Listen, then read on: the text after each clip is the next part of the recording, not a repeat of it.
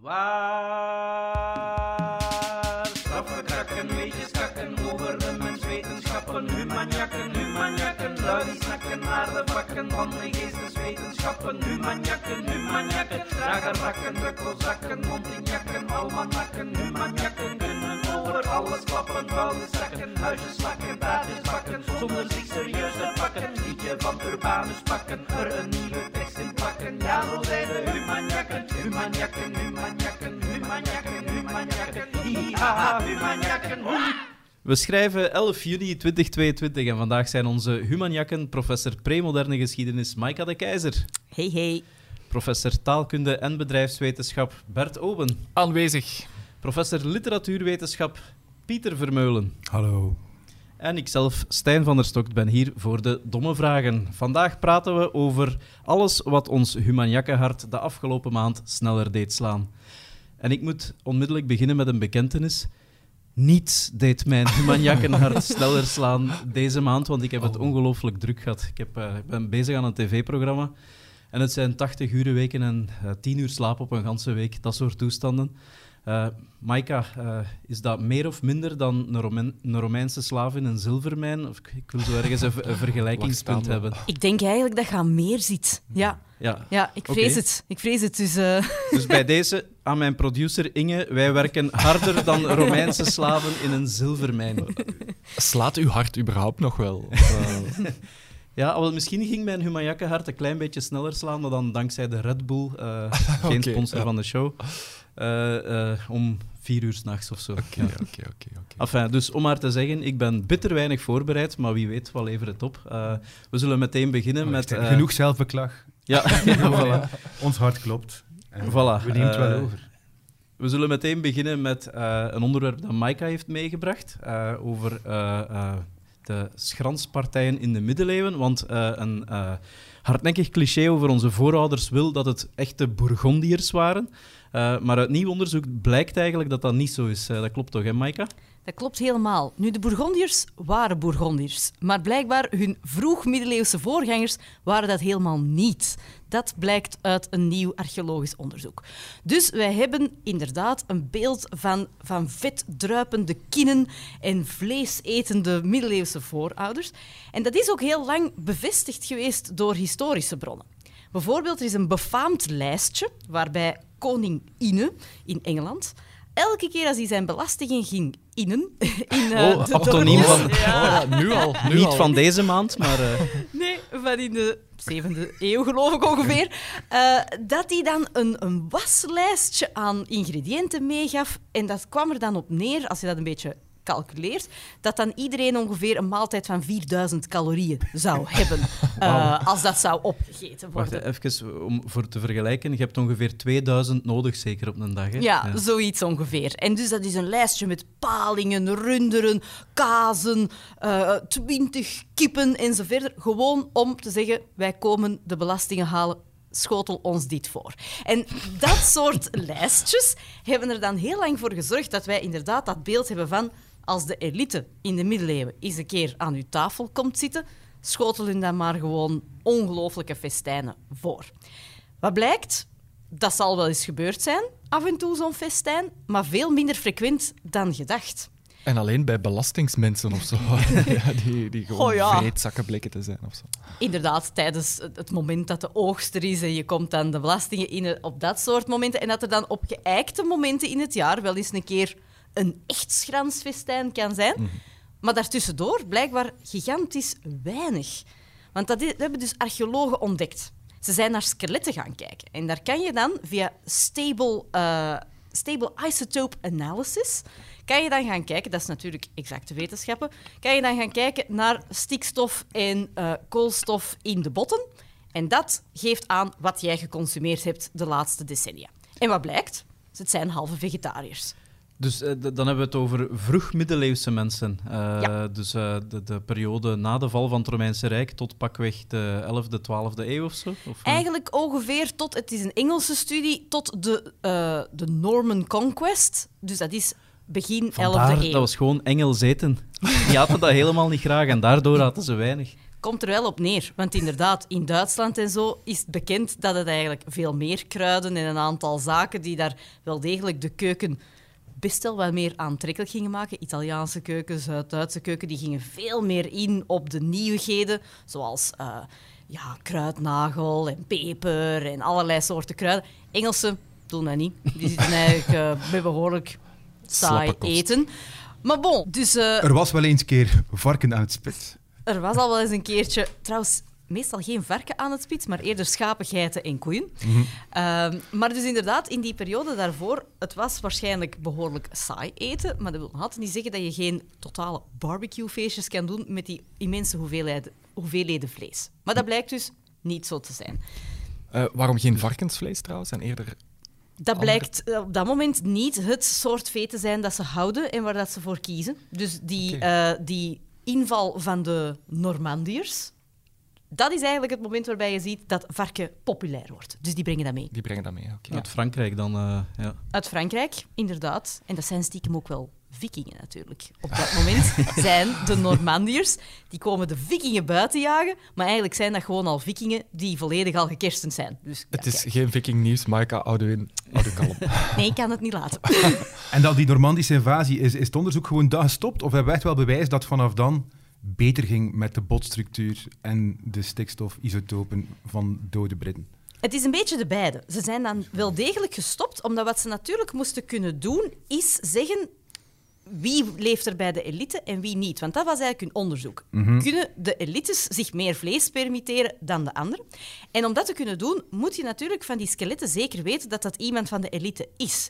En op dat moment zie je dat er een shift is in hoe dat er begraven wordt.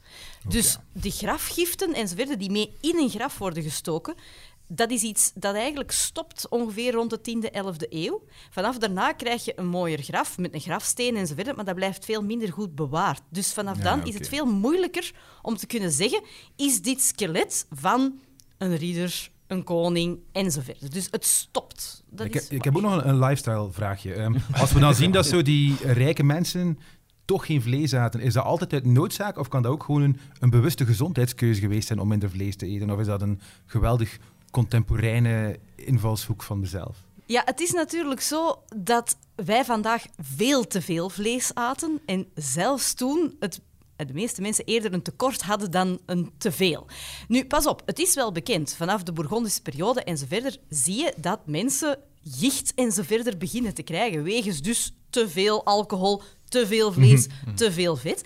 Maar ik denk niet dat zij die link noodzakelijkerwijs op dat moment al leggen. Dus ik denk niet dat zij dat zien als, nu ga ik daar eens bewust van afstappen. Er zijn uiteraard religies die dat al heel vroeg begonnen te doen, uit principe, maar niet per se uit gezondheidsoverwegingen. Tegenwoordig is eh, heel veel vlees ook eigenlijk eerder een eh, teken van een lagere sociale klasse, van tot een lagere sociale klasse te behoren. Hè? Want de elite gaat nu juist voor de kookboeken van Pascal Nasus en vegan enzovoort. Allee, ik wil al de Antwerpse acteurs geen eh, eten geven die allemaal vegan zijn. Ehm, maar, maar daar is het wel een keuze voor gezondheid. En, en, eh, Ja, en dat- eten dat, dat ook, moet daar toch ik- anders zijn. Is, het dan, is de conclusie dan dat het inderdaad noodzaak is, dat er niet meer vlees voorhanden was? Niet meer vlees voorhanden is. Het is noodzaak omdat inderdaad eh, het idee dat dus die elites zo rijk zijn dat zij zich elke dag een stuk rund op de barbecue kunnen gooien, dat is dus inderdaad verkeerd. Maar we moeten daar natuurlijk ook wel... We hebben daar een fout beeld bij. Engeland, Noordwest-Europa, in de vroege middeleeuwen, is echt de periferie van de wereld. Dat is op dat moment een vrij arme regio. En de Britten zullen dat niet graag horen, maar dat is wel zo. En dus op dat moment zijn de, is de gemiddelde ridder dus niet zoveel beter dan de gemiddelde boer. En die kunnen zich dat dus inderdaad niet permitteren. Want wat heel interessant was, en dat is minder in het nieuws naar voren gekomen, is dat we ook archeologisch onderzoek hebben dat kan aantonen waarvoor vee dan gehouden wordt. In de Romeinse tijd en daarna zien we aan de, ja, aan de skeletten van vee dat geslacht is, dat zij vooral geslacht worden op het moment dat zij het meest in het vlees zitten, op de volwassen leeftijd, laten we zo maar stellen. In die vroege middeleeuwen zien we dat ze vooral worden geslacht heel vroeg. Hè, dat je zegt van alle nutteloze dieren uit de kudde. Zo, je moet geen honderd stieren hebben. Of op het totaal einde van hun leven. Dat je echt zegt, dat is een trekdier geweest en ja, we verlossen het uit hun lijden. Dan wordt het eigenlijk geslacht. Dus ze konden zich eigenlijk niet permitteren van het meest opportune moment te kiezen. Nee, ze investeren in vee om als trekdier te dienen of om vooral ja, melk en dus allerlei mogelijke producten die nuttig zijn, maar dus niet per se het vlees. En daaraan zie je dus inderdaad een oriëntatie richting andere soorten producten dan puur vlees. Maar wat wel heel interessant is, vind ik, is zij, zij in die studie gaan ze er heel negatief mee om. De elite kan geen vlees eten. Hè. Ze hebben maar net evenveel... Arme, arme elite. Ja. Nee, nee, nee, voor een andere reden. Er is geen sociaal onderscheid tussen de vrije boeren en die elite in vleesconsumptie. Zij Dat zeggen, klinkt als een utopie dan eerder. ja, dat vind ik eigenlijk wel, want dat is iets waar zij totaal niet bij stilstaan. Als we naar iets anders gaan kijken dan die isotopen, maar we gaan kijken naar de lengte van mensen, en de lengte van een mens op die moment is wel degelijk een teken van ja, hoe goed ben jij gevoed? Heb jij geen ondervoeding gekend? Dan weten we dat in de vroege, in de vroege middeleeuwen mensen langer waren dan in de late middeleeuwen en vooral dan in de vroegmoderne tijd. Wat een teken is van eigenlijk gezond te zijn en een vrij divers dieet te hebben. Al En- is het dan uit noodzaak. Al is het dan Ja. uit noodzaak, maar wat vooral heel belangrijk is, ze hebben eigenlijk wel eh, consumptie van vlees en van eh, andere producten zoals melk en boter en kaas. En dus die gewone boeren hebben dus evenveel toegang tot vlees en tot melk en tot kaas dan de elite. ik vind dat eigenlijk een positief verhaal voor de meerderheid van de mensheid. Is het dan zo dat de, de, de boeren even groot werden dan de edelen of zo? Ja, ah, wel, dat is dus het interessante. En zij wil dat dus negatief framen van, allee, die elite die kan zich daar dus niet bovenuit steken. En in de late middeleeuwen wel. Ja. Ik vind dat eigenlijk een behoorlijk interessant verhaal om te zien dat er daar heel weinig sociale distinctie is. Right. Ehm, ik heb ook nog een onderwerp meegebracht. Mag ik dat zelf inleiden? Ja, je mag het zelf. Pieter, doe maar. van deze maand mogen jij alles doen wat je wilt. Nou, wel, het gaat eh, om een interessant onderzoek dat uitgevoerd is eh, in Leiden. En het gaat er eigenlijk over, over hoe eh, beesten afgebeeld worden in prentenboeken voor kinderen. Wat dan nu niet meteen klinkt als het meest opwindende onderwerp ooit. Maar dat is het misschien wel, want ehm, er is een probleem in de wereld. Het probleem dat onze kinderen nog heel weinig beestjes zien, omdat ze in steden en voorsteden eh, overbeschermd opgroeien. En dit onderzoek betoogt dat het nou wel degelijk belangrijk is om te gaan kijken hoe prentenboeken beesten afbeelden om die, wat zij dan noemen, species ongeletterdheid van onze jeugd te lijf te gaan. Dus wat ze gedaan hebben, is met heel eh, gesofisticeerde telsystemen honderden eh, veel gelezen of veel bekeken prentenboeken gaan bekijken en gaan kijken hoe beesten daarin worden afgebeeld. En Ehm, gaat het dan over non-fictieboeken, bijvoorbeeld eh, zoogdieren in de wereld? Of gaat het dan eerder over eh, fictieboeken, bijvoorbeeld eh, Konijntje beleeft een avontuurtje? Ik denk dat het verkleinwoorden rijke tweede palet meer aan bod kwam. Het gaat er dus echt over hoe wij verhalen vertellen aan onze kinderen en welk beeld van biodiversiteit dat daarbij naar voren komt. En de resultaten die ze naar boven halen zijn niet zo verrassend, maar wel opvallend, denk ik. Ehm, dat het vooral om eh, zoogdieren gaat, die worden afgebeeld. Dat het vooral ja. op gewervelde dieren gaat. Ehm, wat in prentenboeken meer het geval is dan in het echte leven. In het echte leven zijn ongeveer 95% van de beesten rondom ons ongewerveld. Maar- Dat zie je nu niet meteen in de, in de gemiddelde prentenboek. Dat zou heel grappig zijn mocht er zo plots een verhaaltje eh, in de bibliotheek staan van Lintwormpje beleeft een Ja, avontuurtje. Ja, zo. maar waarom niet? Waarom En- niet? Ja, Voilà. waarom niet meer insecten? Want dat zijn toch net de dieren die vaak het hardst aan het uitsterven zijn. Ja. De avonturen van Arthur Strontvlieg. Eigenlijk moeten we het misschien... eh, Maar beginnen wel, daar moeten we meer naartoe. En dat vinden ze in dat artikel dus ook. Wat ze bijvoorbeeld ook zeggen, nu het over insecten en strontvliegen hebben, is dat als dat soort beesten afgebeeld wordt, worden ze vaak minder specifiek afgebeeld dan bijvoorbeeld eh, het varken, de hond, de kat enzovoort. Ze worden meestal op, het, op een abstract niveau als insect afgebeeld, zonder dat ze gespecifieerd worden. En dat artikel betoogt dan dat, dat dat onze kinderen toch zeer weinig leert over een heel groot deel van de wereld rondom ons. Eh, een ander belangrijk en voor mij wel opvallend eh, inzicht uit dat onderzoek is dat de beesten die voorkomen in die verhalen, dat dat ofwel exotische beesten zijn, ofwel huisdieren.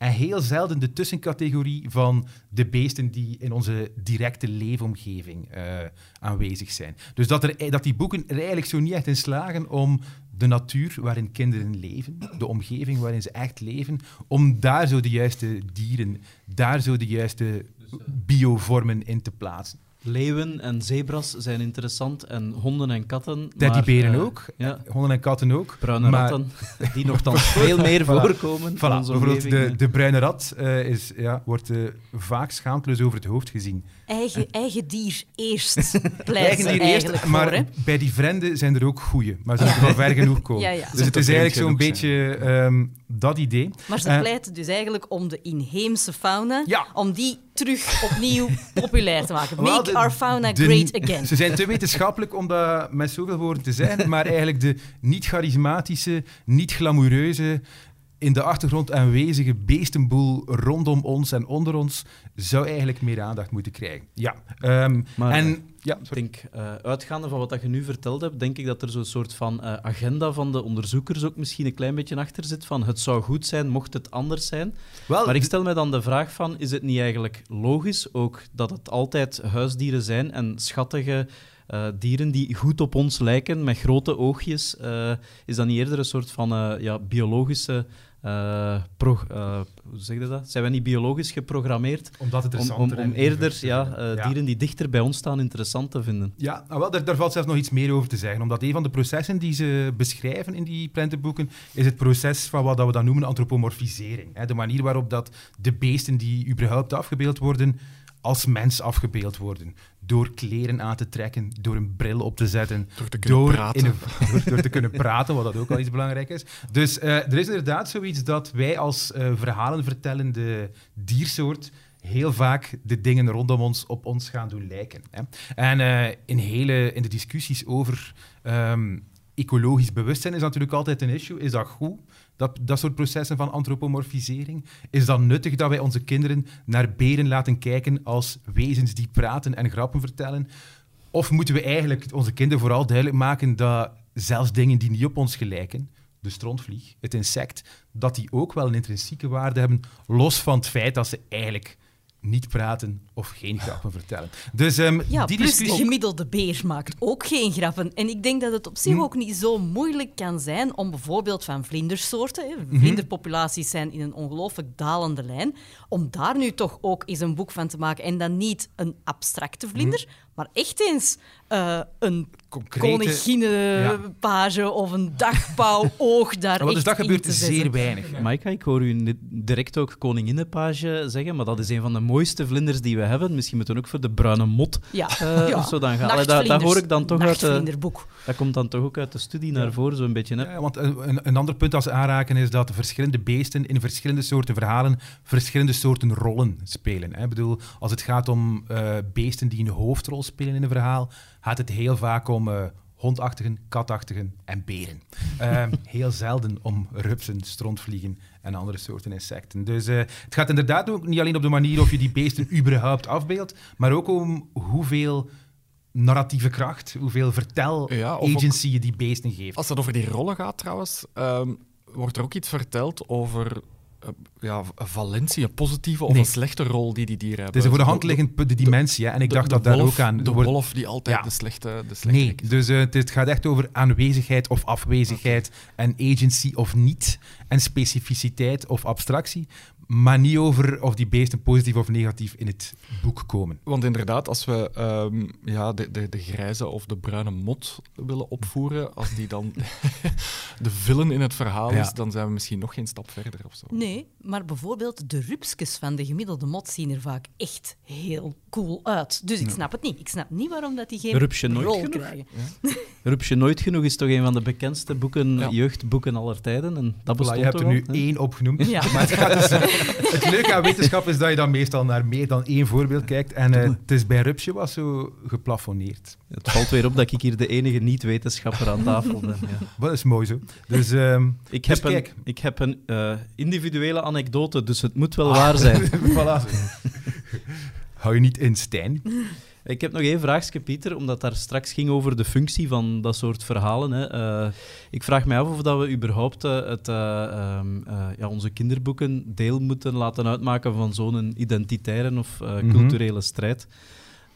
Terwijl ik vaak ook denk van... ehm, ge- Gelijk bijvoorbeeld bij de fabels van de La Fontaine ook. De, de dieren hebben daar eigenlijk eerder een soort van morele functie. Eigenlijk willen ze een morele les die Ja. in en in menselijk is.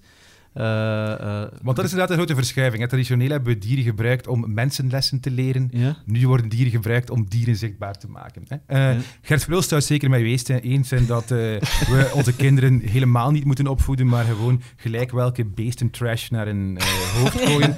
Als iemand die zelf actief wel eens een kind opvoedt, vind ik dat misschien wat minder zo. Maar ehm, het is een moeilijke vraag.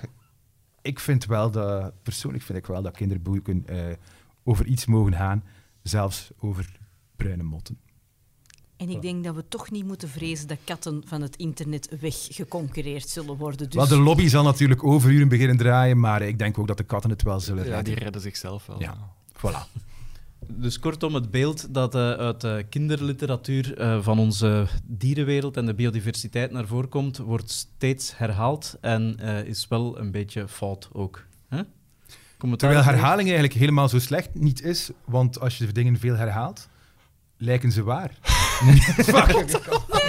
Wat een heerlijk, spontaan, onvoorbereid bruggetje. Ehm, nee, dus, het is niet triviaal welke beesten we afbeelden, want hoe vaker we die beesten zien, hoe normaler en misschien vanzelfsprekender en misschien levensvatbaarder we ze gaan vinden. En denk dat Bert, jouw onderwerp, niet helemaal het tegenovergestelde zegt. Eh, heel juist, Pieter. Eh, want wil het toeval dat ik een onderwerp heb meegebracht over het waarheidseffect. Ehm, het zijn onderzoekers van de Universiteit van Louvain-la-Neuve die in Cognition daar iets over geschreven hebben. En het waarheidseffect is het effect dat als je iets vaker zegt, dat het dan geloofwaardiger is. Of omgekeerd, vanuit degene die eh, de, de boodschap leest. Ze hebben die paper dan ook voor de tiende keer ingediend. en vanaf nu zijn je peer-reviewed geraakt. Eh, nee, ze hebben die bij verschillende tijdschriften ingediend, zoals, eh, zoals dat gaat in, eh, in de academische wereld. En eh, het, het- staat eigenlijk op tien verschillende plekken, dus nu ben ik het beginnen te geloven. inderdaad. Ehm, nu, de, de, de, kernboodschap is dus, hè, als je eh, een boodschap vaker leest, ben je meer geneigd om te denken dat die waar is. Nu, dat is al een heel oud proces, mechanisme, dat al helemaal vast, eh, vaststaat, heel vaak over geschreven is. Wat zij eraan hebben toegevoegd, is dat ze zijn gaan kijken naar heel ongeloofwaardige boodschappen. Want de, eh, het principe achter dat waarheidseffect is ja, dat het alleen maar werkt voor dingen die potentieel waar kunnen zijn. Dus de er alternative facts van Trump. ja, bijvoorbeeld, bijvoorbeeld. Dingen die Heb- echt Heb je een complete, voorbeeld? complete bullshit zijn. Hè. De voorbeelden die zij gebruiken zijn bijvoorbeeld... hè, de Verenigde Staten zijn in 1979 gesticht. Oké, Schitterend. of geen de lat vrij hoog leggen qua om bullshit. het, ja, inderdaad. Om Ja. het, om het bij, ehm, bij de dieren van daarnet te houden. ehm, olifanten zijn sneller dan luipaarden. Oké, ja. Dat is natuurlijk niet obviously bullshit, hè? Mm, Nee, maar... Luipaarden Ja. zijn de snelste dieren ter wereld. Het is duidelijk dat we hier niet met exacte wetenschappers Herhaal dat nog een paar keer. Herhaal dat nog een paar keer. En ik ben mee. Wanneer ik. exacte wetenschappers zouden zeggen de snelste zoogdieren ter wereld, want je hebt ongetwijfeld nog... Ja, En, Ja. waarschijnlijk. Oké, maar het punt staat wel Het dat... eh, bestaat. Echt, eh, ja, roken is goed voor de longen. eh, de aarde heeft een kubusvorm. Dus er, Oh, er, er zaten echt wel grote bullshit dingen in. En vind. slechte nieuws is dat ook dit gewoon door En, herhaling... Het, het, het slechte nieuws is inderdaad dat door herhaling dat we meer geneigd zijn om dat te geloven. Maar eigenlijk is dat te, te vergaand. Ehm, want ehm, we zijn iets minder geneigd om het niet te geloven. Ah ja. En hoe en, vaak dat moet je het... en dat Ja. subtiele verschil is, want ik, ik heb het, ehm, het, het nieuws gevonden door het in, eh, in de standaard te lezen, waar de titel dan kopt eh, waarom u gelooft dat olifanten sneller zijn dan cheetahs.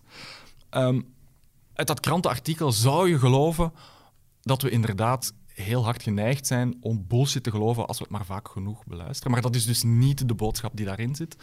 Ehm, want het- dus de verschillen zijn heel klein en ze gelden niet voor iedereen. Dus wat, wat gebeurde er in het onderzoek? Proefpersonen kregen die stellingen voorgeschoteld, ofwel één keer ofwel vijf keer.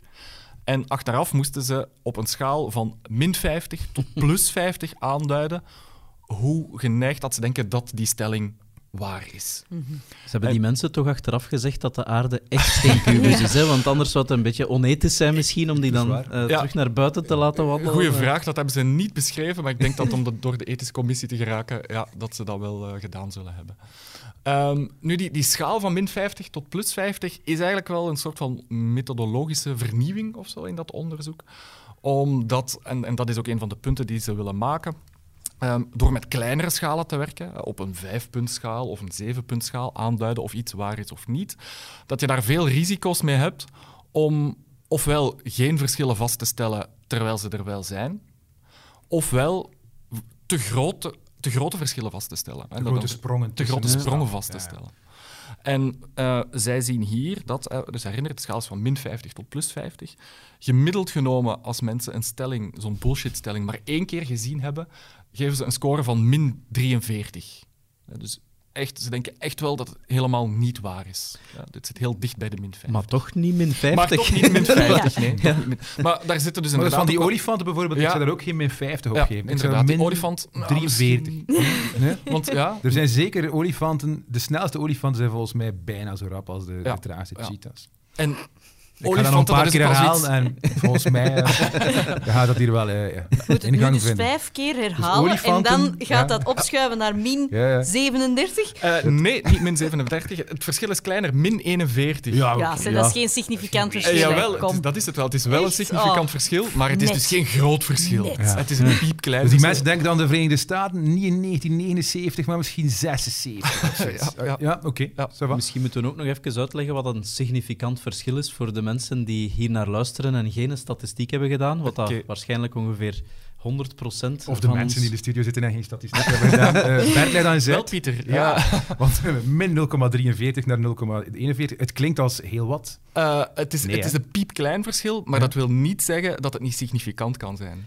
Het En die zou- het zou- significantie, dat wil zeggen dan dat het, eh, dat het wel degelijk een Dat het verschil geen- bewijst of zo. Nee, Of, eh, significant wil niet- zeggen dat het geen toeval is. Ja, dat Ja. het niet berust op Dat toeval. het niet berust op toeval. Dat Bijvoorbeeld, eh, stel dat ehm, mannen en vrouwen maar 1 centimeter in lichaamslengte van elkaar verschillen.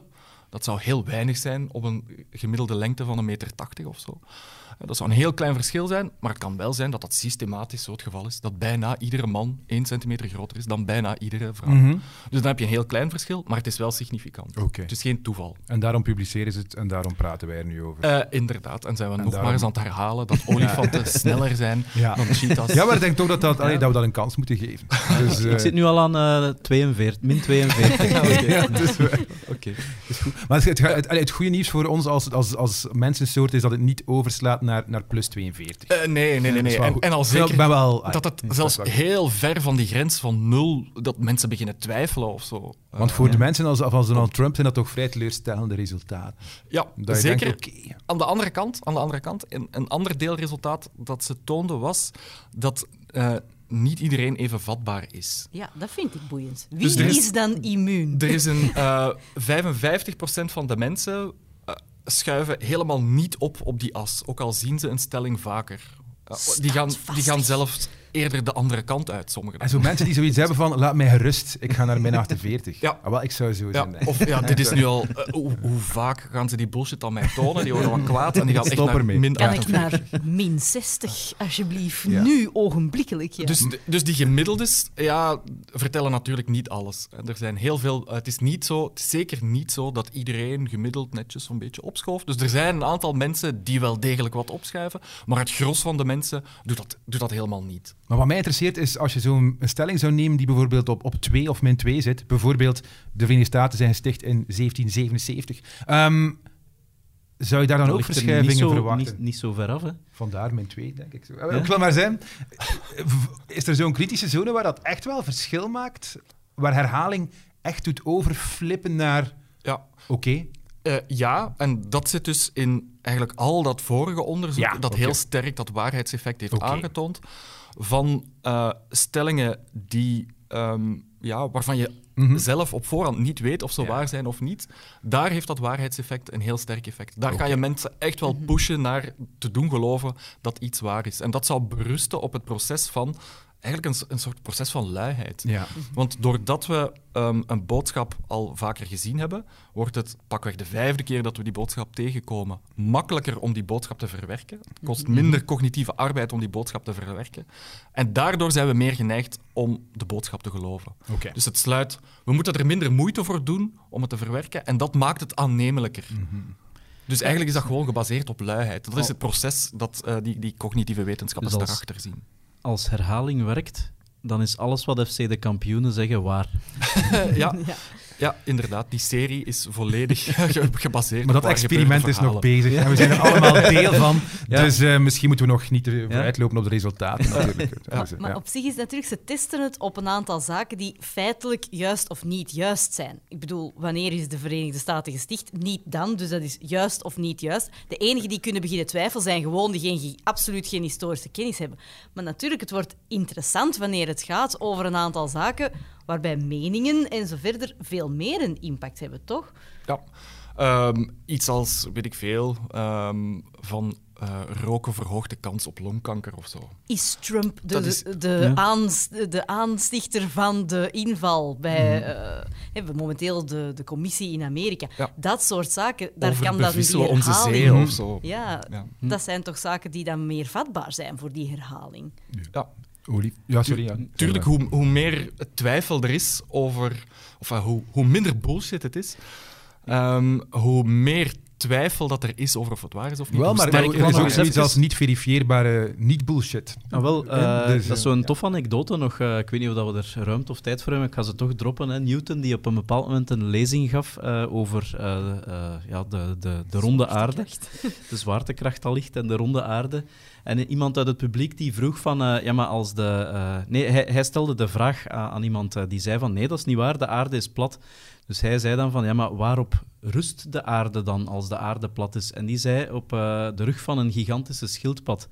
En waar rust die schildpad dan op? zei hij. Op nog een schildpad, zei enfin, Het ging zo verder. Het ging zo Eeuwig- verder, ja. Eeuwige hoeveelheid Ik schildpadden. weet niet van waar dat ik het verhaaltje heb. Ik weet ook niet of dat echt gebeurd is. Ik heb het alleszins een paar keer gehoord, dus allicht is het waar. Het is ongetwijfeld. Laten we er een kinderboek van maken met een zeer specifieke schildpad. Voilà. Inheems. Roosje roodwangschildpad.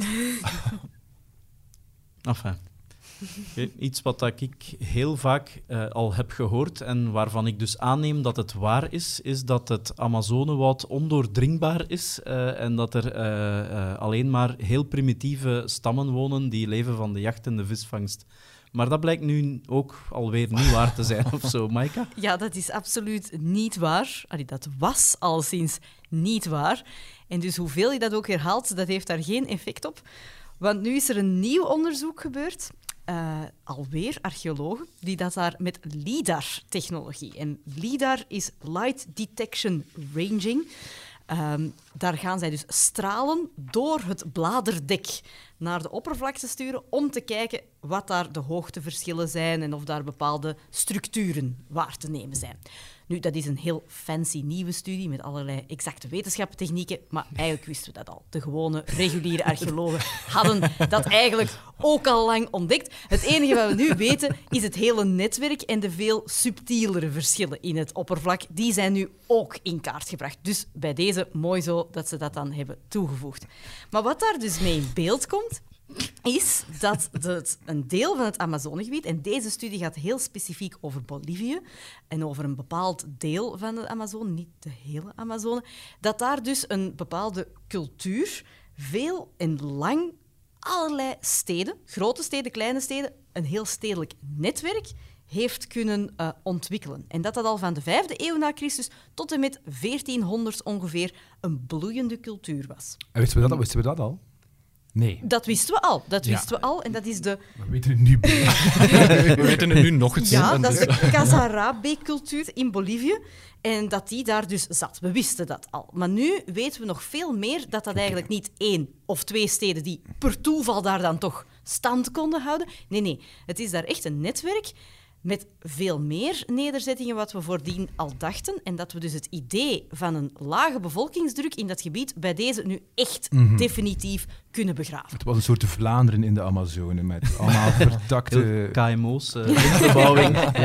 Dat is goed, ah, goed en slecht nieuws, denk ik dan. Ja. Goh, goed, het is slecht nieuws. Ja, het, het is in ieder geval, eh, laten we er geen verstedelijkt gebied zoals Vlaanderen van maken, maar toch wel veel dichter bevolkt dan gedacht. En is dat de bijdrage van die LIDAR? Of eh, zelfs dat niet? Dat wisten we ook al. Of... We, we wisten het al, maar het is nu toch nog wel veel duidelijker hoe dichtbevolkt het is. En dat we daar toch nog wel versteld van kunnen staan dat het niet zomaar hier een stad, daar een stad, met mogelijkerwijs iemand die zich dan met een machete door het, door het eh, gewas moet eh, banen naar het volgende hucht, dat dat echt wel een vertakt netwerk is met allerlei wegen die we ook kunnen waarnemen, die onderhouden zijn geweest en dus dichter Wel, bevolkt. dat vroeg ik mij dan af. Eh, was dat inderdaad op dat moment ook Amazonewoud? Of is het weer overwoekerd nadat het verlaten is geweest, gebied, door het Amazonewoud? Nee, nee. Dus wat we ook wel weten is dat grote delen van het Amazonewoud echt geen wildernis waren. Dat dat wel gebieden zijn die voor agro, eh, agrolandbouw worden gebruikt. En dat die absolute wildernis ook een fout beeld is. Wat niet wil zeggen dat daar geen bomen staan, wat niet wil zeggen dat dat daar geen woud is. Last time I checked. eh, Ja, voilà. Maar dat dat dus wel degelijk door de mens beïnvloed is en dat wij daar een heel fout beeld... En dat is ook een typisch westers beeld. Dat zijn typisch westerlingen die daar komen en zeggen ik ken dit soort woud niet, wildernis. Maar dat dat dus wel degelijk gebruikt wordt, beïnvloed wordt en ook geclaimd wordt. En dat is ook geen... Dat is ook echt wel geen ehm, onschuldig perspectief. Want het is natuurlijk... Westerlingen hebben heel lang het idee gehad, en dat is echt wel de schuld van Locke, eh, en meerdere denkers de, buiten John, Locke. John Locke? eh, Ja, met zijn treaties on government and politics eh, heeft hij eh, een heel aantal boeken geschreven waarin hij dat beeld naar voren schuift. Dat privaat bezit alleen privaat bezit is als je daar je arbeid in steekt. Dat is een principe dat hij heel sterk naar voren schuift, waarbij je zegt... Een mens heeft privaat bezit over zichzelf en over alles waar hij zijn eigen arbeid insteekt. En dus, alles waar westerlingen komen en zij zeggen... Dit ziet er wild uit, dit is een bos. Dat is, dat is van niemand. daar is geen arbeid ingestoken, is dus van niemand. We kunnen dat koloniseren. Dus dat is natuurlijk het feit dat wij dat beeld zijn blijven herhalen. kwam wel goed uit, hè? Het kwam Amai. zeer goed uit. En dat is natuurlijk niet zo onschuldig. Ik denk dat heel veel van de, van de kolonisten die daar kwamen ook wel die steden hebben gezien. In de allereerste narratieven zien we dat trouwens terug in de historische geschriften, dat zij zeggen, hier zijn heel samenlevingen, hier zijn opperhoofden die, be- die besturen echt grote gebieden. Maar dat het dan heel gemakkelijk is om dan na- daarna te zeggen, leeg. Leeg, woest, wild en dus claimbaar. Oké. Maar is een deel van het verhaal ook niet, Maaike, als ik het hoor, dat, dat jij en andere historici gewoon zeer jaloers zijn over die LIDAR-technologie, die alles toch wel een stuk interessanter doet klinken dan dat was? Of, of heb ik het verkeerd wij gehoord? zijn daar wel jaloers op dat elke keer als zij dan zo eens een studie doen, dat dat dan in de krant staat en dat wij daar blijkbaar veel meer moeite voor moeten doen. Ja. Of in een podcast of zo Ja. komt. Ja, Ja. ja, kijk, dat is dan wel. Maar bon, dan kan ik daarna toch zeggen dat we dat eigenlijk stiekem al kei lang wisten. Goed, ik was gewoon even checken. Dat, eh, Over welke cultuur gaat het dan, eh, die, die mensen die daar woonden? Want ik ken de, de Incas en de Azteken en de Mayas enzovoort. Eh, met, met wie waren die verwant? Of was dat echt een totaal eigen cultuur eh, die daar... Ja, dat stukje in Bolivie is de Casarabe, of ik weet eigenlijk niet hoe dat je de nadruk erop legt, cultuur. Ehm, en dat gaat dan specifiek, de, de steden die zij gevonden hebben, zijn ehm Kotoka en Landivar. Dat zijn de twee grote steden die zij gevonden hebben. Maar die zijn wel degelijk verwant met een heel aantal andere culturen dat we veel beter kennen. Want bijvoorbeeld in die steden hebben ze piramides teruggevonden. Dezelfde piramides die al bekend zijn in de naburige eh, culturen. Ook de andere structuren die die lidarbeelden goed konden geven, waren U-vormige gebouwen, wat ook tempelcomplexen zijn die je terugvindt in andere culturen. En in heel veel boeken wordt daar tegenwoordig over eh, gewe- op gewezen. Hè. Graeber bijvoorbeeld in zijn laatste boek. Ik heb hem gekocht. Haha, Kijk, voilà ik ga hem op vakantie lezen. dan zul je ditzelfde verhaal daarin terugvinden. Die heeft datzelfde punt al wel gemaakt voor een veel groter gebied. Niet alleen Bolivie, maar eigenlijk van wat hij dan zei, Peru tot helemaal het Caribisch gebied.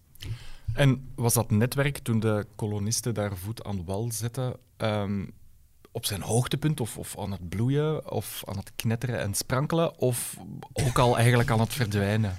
Ja, die specifieke cultuur, wat dus de datering weergeeft, is dat het eigenlijk al wel in de complete neergang zit rond 1400. Dus eigenlijk nog voor de komst van onze Spanjaarden en Portugezen en eh, iedereen die daar voet aan wal gaat zetten daarna. Echte wildernis dus, te- Ja. tegen dat zij daar waren. Echte wildernis. Het, het Amazonewoud groeit nu wel behoorlijk snel, maar ik geloof nooit dat dat onzichtbaar was.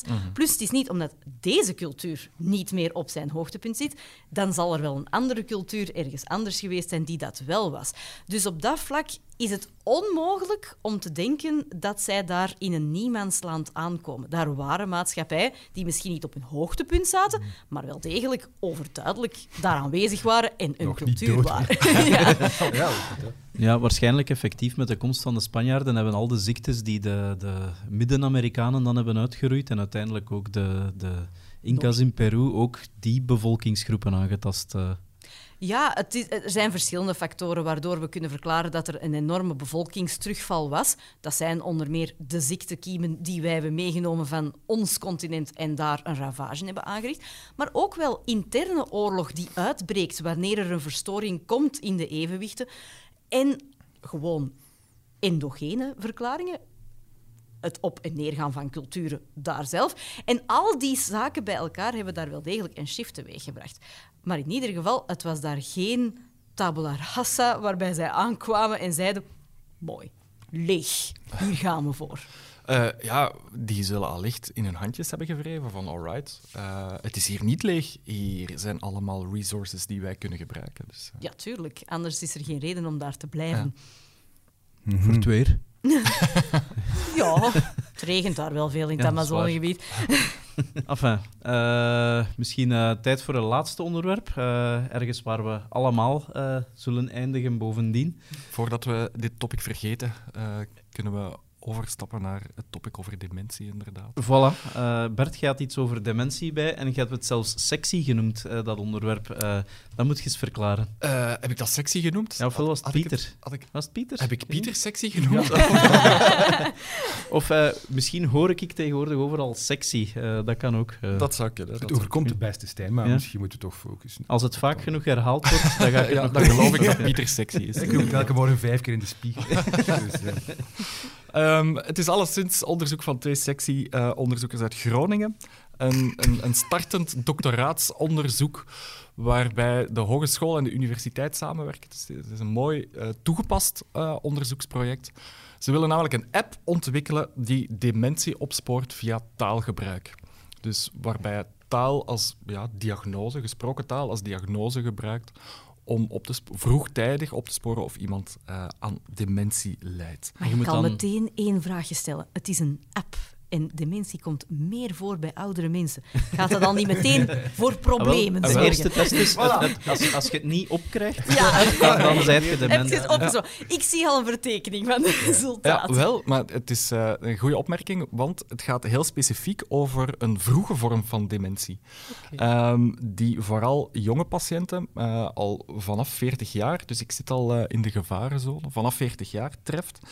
Ehm, de zogeheten frontotemporale dementie. En daarbij is er dus, de naam zegt het een beetje zelf, een eh, hersendeel aan de voorkant van de hersenen aangetast, wat anders is dan bijvoorbeeld bij Alzheimer, wat een ander type is van een heel frequente vorm van dementie. Ehm, en een van die, net een van de eigenschappen van die ehm, eh, frontotemporale dementie is dat het taalvermogen en, eh, wordt aangetast. En dat ook een aantal gedragingen eh, anders gaan worden. En dat is ook een beetje anders, eh, veel meer dan het geheugen dat aangetast wordt, waar Alzheimer zo bekend om is. Dat is toch zo de beroemde plek waar uw geweten en uw begrenzingen zitten, hè? Zo uw, uw frontotemporaal... uw te- allee, hoe noemde dat? Uw pre- prefrontale cortex, hè? is dat dat? Eh, ja, ja. ja. En daarom dat er ook eh, zoveel gedragsveranderingen Ja. eh, Inhibities mee- die mee, te maken hebben. Eerder dan dus dat geheugendeel dat, dat op andere plekken in, eh, Als je, in de ja, hersenen zit. eh, om een voorbeeldje te geven, misschien om het concreet te maken. eh, mijn oma, eh, die, die is niet dement geworden, eh, maar die had dat denk ik al van in haar jeugd. Die kon zich nooit inhouden als ze eh, een belediging of zo eh, moest rondslingeren en zo aan.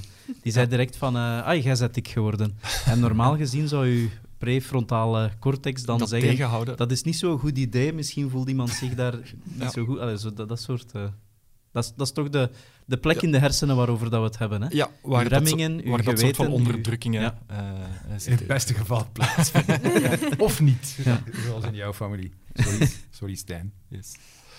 Ehm, nu, de, de app, daar zijn we nog wel even van verwijderd. Ehm, want ik baseer me hier eigenlijk gewoon op een, eh, op een persbericht. Eh, en dat klinkt heel, eh, vandaar sexy misschien. Het klinkt heel sexy om een app te maken waarmee je dementie kan opsporen.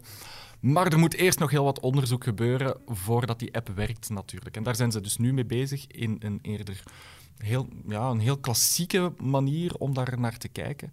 Ze maken opnames van gezonde mensen, ze maken opnames van mensen met dementie. En ze zijn nu via eh, neurale netwerken, dus op artificial intelligence gebaseerde methodes, eh, neurale netwerken, om te gaan kijken welke features, welke talige features, kunnen voorspellen of iemand nu tot de groep van mensen met dementie of de gezonde groep behoort. Oké, nu En- wil ik het wel weten en- welke ja, dat, dat zijn, wel, zodat dat we is net- beginnen. Dat is net het, het, het gemene en het moeilijke aan die neurale netwerken, eh, dat dat een black box is. Ah. Je stopt daar een eindeloze reeks aan eh, factoren en features in. Ehm, en dat algoritme gaat daarmee aan de slag en zorgt ervoor dat hij de taak zo goed mogelijk uitvoert, namelijk klassificeren of iemand dement is of niet. En je kan daar wel goede resultaten mee eh, boeken, maar het is eigenlijk nog altijd onduidelijk om welke combinatie van features of zo dat het dan gaat.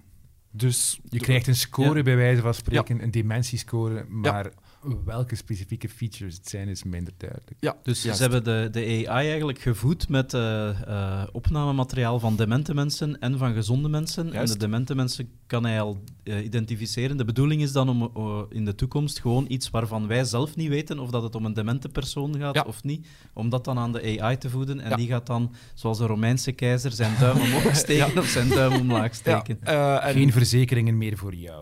Want dat is de meer sinistere kant ervan natuurlijk. Als je ja, ja, weet dat ja. je vroeg dement bent. Ja. Ehm, misschien is dat niet altijd zo handig om dat te weten. Ehm, Nu, aan de andere kant, zij, zij argumenteren, het is net wel handig om dat Ja. te weten, om dat zo vroeg mogelijk te weten, omdat behandelingen dan veel meer effect hebben. Mhm. Omdat het ook ehm, een hele periode kan overbruggen waarin je al voelt dat er iets aan de hand is, Mhm. maar eigenlijk nog geen idee hebt wat er aan de hand is. maar dat je dan weet, ik heb 53% kans dat ik dement ben. Ik ga getroost de dag door. Eh, en noem iedereen gewoon schaamteloos ja, dik. Gelukkig ja, ben ik het tegen vanavond alweer vergeten. hè. Nee, Eh, want je ja, vergeet Nee, het nee, nog dat is niet. weer het cliché. Natuurlijk, er zijn veel vormen van dementie Ja, waar dat vergeten Ja. veel minder belangrijk is dan de En daar gaat het hier net om. Het gaat hier om die, die, die, die taalvermogens en gedragsveranderingen. En dus niet om het, ge- niet om het geheugen. Ik vraag me af wat de verhouding is tussen de taalvermogens. Ik, verma- ik, ik snap wel dat je die artificial intelligence voedt met de taalvermogens gerelateerde dingen, maar die gedragingen zijn toch veel moeilijker om Ja. een beeld in kaart te brengen. hè? Ja, tuurlijk, omdat ehm, zij gebruiken spraaktechnologie Ja. om de opnames die ze verzamelen van die mensen die ja, spontaan talig materiaal Mhm. eh, produceren, de verhaaltjes vertellen, whatever, eh, om, om daar features uit af te leiden over Ja. uitspraak, over spreeksnelheid, ehm, over complexiteit van zinnen, over eh, types van woorden die er wel en niet gebruikt worden. Dat kan je eigenlijk behoorlijk automatisch doen. Maar iets als die gedragingen, Ja. of iemand moreel of minder moreel gedrag stelt, dat is veel moeilijker parameters van dat soort van variabelen te vangen. inderdaad. Ja. Is het al foolproof? Nee. Eh, zijnde van, hè, we hebben eh, eh, 100%, eh, je- de, de AI kan 100% juist altijd voorspellen of het om iemand dement gaat of niet? Of eh, zit daar ook nog een foutenmarge op? Ja, één, daar zit nog een foutenmarge op. En twee, en dat is mijn, ehm, ja, mijn, mijn grootste bezwaar of kritiekpunt of zo. Op dit moment is het alleen getraind op data van mensen die een verhaal vertellen. Die ergens een, een narratief, iets, Mhm, iets ja. uit het verleden vertellen, omdat mensen daar graag over eh, vertellen. En zeker al wat oudere mensen daar graag Amai. over vertellen. dus ik vraag me dan af, ja, is dat niet te genre gebonden of zo. Ja. Om alleen dat soort van data te gebruiken. Hè, bij- Verlies je niet ergens Een interactieve dimensie van een interactieve die- dimensie. Of gewoon ja. andere taaltaken. Hè. Mensen, Laat mensen schrijven of zo. Misschien Ja. kan je daar ook nog heel veel uit leren. Maar eh, misschien eh, nog een, nog een tweede pijnpunt voor mij was ook wel ehm, dat we misschien ook nog niet voldoende weten over die vroege vormen van dementie. Want het, het, ehm, het algoritme is getest op mensen waarvan we al weten dat Ja. ze dementie hebben. Terwijl we eigenlijk net zouden willen weten wat die allereerste tekenen aan de wand zijn. Dus we zouden eigenlijk willen opnames hebben van die mensen waarvan we nu weten dat ze het hebben van tien jaar geleden. Ja, Ja, Dus, Of- toen ze het Ja. zelf nog Of- niet echt wisten. Ja, inderdaad. Of dat we nu al opnames hebben. Ja, inderdaad. Ja. Ja, Ja. oké. Kijk, dus zoals het meeste dimensieonderzoek klinkt het allemaal geweldig ingewikkeld. En hoop ik gewoon dat ze tegen dat ik daar ben. een app ontwikkeld hebben app waar ik de hele dag tegen kan lullen en dat er dan niemand naar hoeft te luisteren. Ja. En dat Ehm, kunnen zijn, opa is wetenschap aan het doen. We hebben het, we hebben het trouwens vorige week, eh, vorige week, vorige keer gehad ehm, over meertaligheid en het opbouwen van cognitieve reserve. Ik weet niet of je dat nog weet. Ja. Eh, dus dat het helpt om meerdere talen te spreken. In het aftakelingsproces ga je minder snel aftakelen als je meerdere talen eh, kent. Wel, opnieuw mensen uit Groningen trouwens hebben, ehm, zijn, nu, zijn nu ook bezig met te testen of dat op latere leeftijd een taal leren ook nog kan helpen om die achteruitgang tegen te houden. Dus daar ben ik ook nog wel eens benieuwd naar. Dat is een uh, gepreregistreerde studie. Dus dat wil zeggen dat ehm, de methode van die studie al is ingediend bij zo'n wetenschappelijk tijdschrift. Ehm, eh, beschreven is en ook al gepubliceerd is, maar de resultaten zijn er nog niet. Omdat het, omdat het, ehm, omdat het onderzoek over een lange periode loopt. Ja, ik, ik zie hier zo'n soort monsterverbond tussen Duolingo en de Universiteit van Groningen, waarbij ontdekt gaat worden dat iedereen dementeert, behalve als ze op latere leeftijd een nieuwe toch taal nog een nieuwe beginnen. taal Ja. leren. Inderdaad. Dus, maar, maar ze zijn Ja. aan het kijken of ehm, in een, een controlegroep helemaal niks doen. Ja, wat is daar het effect van? Ehm, Ik wil in een, nieuwe, een nieuwe, daar, daar zijn we allemaal al mee bezig. Eh, een nieuwe taal leren, muzikale vaardigheden trainen of wiskundige vaardigheden trainen. Ah.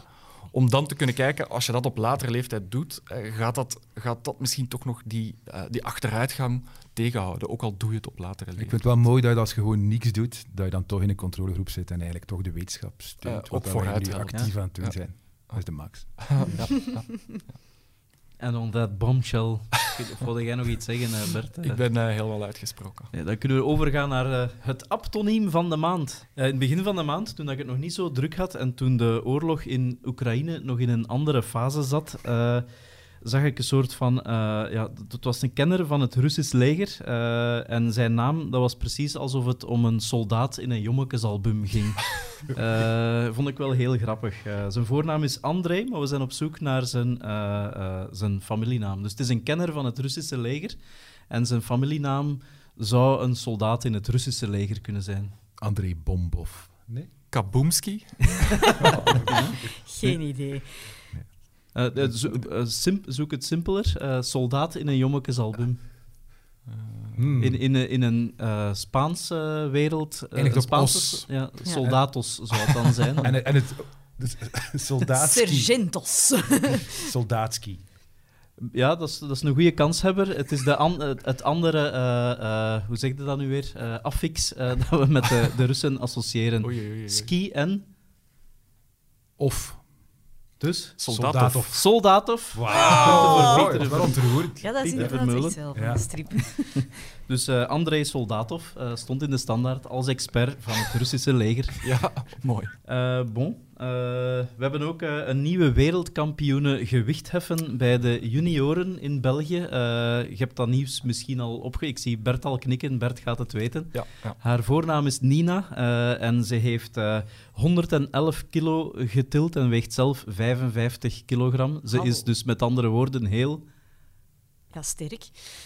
Dus haar naam is Nina Nina. Sterks. Nina? Sterks. Is het zo? Ja, ja, ja. Sterks, ja, absoluut. Ja. Alweer punten voor Pieter. Ja, maar nee, ik zag Bert was eigenlijk al aan het glunderen. Ja. Hij gewoon Ja, maar ik de moeite om te Hij is in snelheid gepakt. Zo dus, eh, zeker was hij van het antwoord. Ik zou dat punt naar, naar Bert laten gaan. Het siert. En het zou goed zijn, moest Mike aan u... Maar ik was niet aan het raden of zo, want ik, wist Jij wist het. het dus Ah ja, ja. dan- Ja, ja. Bert, we zijn hier eigenlijk gewoon allemaal heel hoffelijk voor Ja, elkaar. ja, ja, eh. Het is waar. Sorry dat ik dat gescoord heb.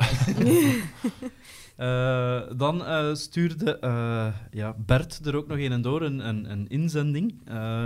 Was die van u of was die van iemand anders die het aan u had doorgestuurd? Ik Of, heb nog geen idee waar je het over hebt. Dus het ging om de woordvoerder van de getuigen van Jehovah eh, Ah, in België. Die heet Aaron, dat is op zich al een vrij een bijbelse naam. begin, dat is een goed begin. En die heeft ook een familienaam.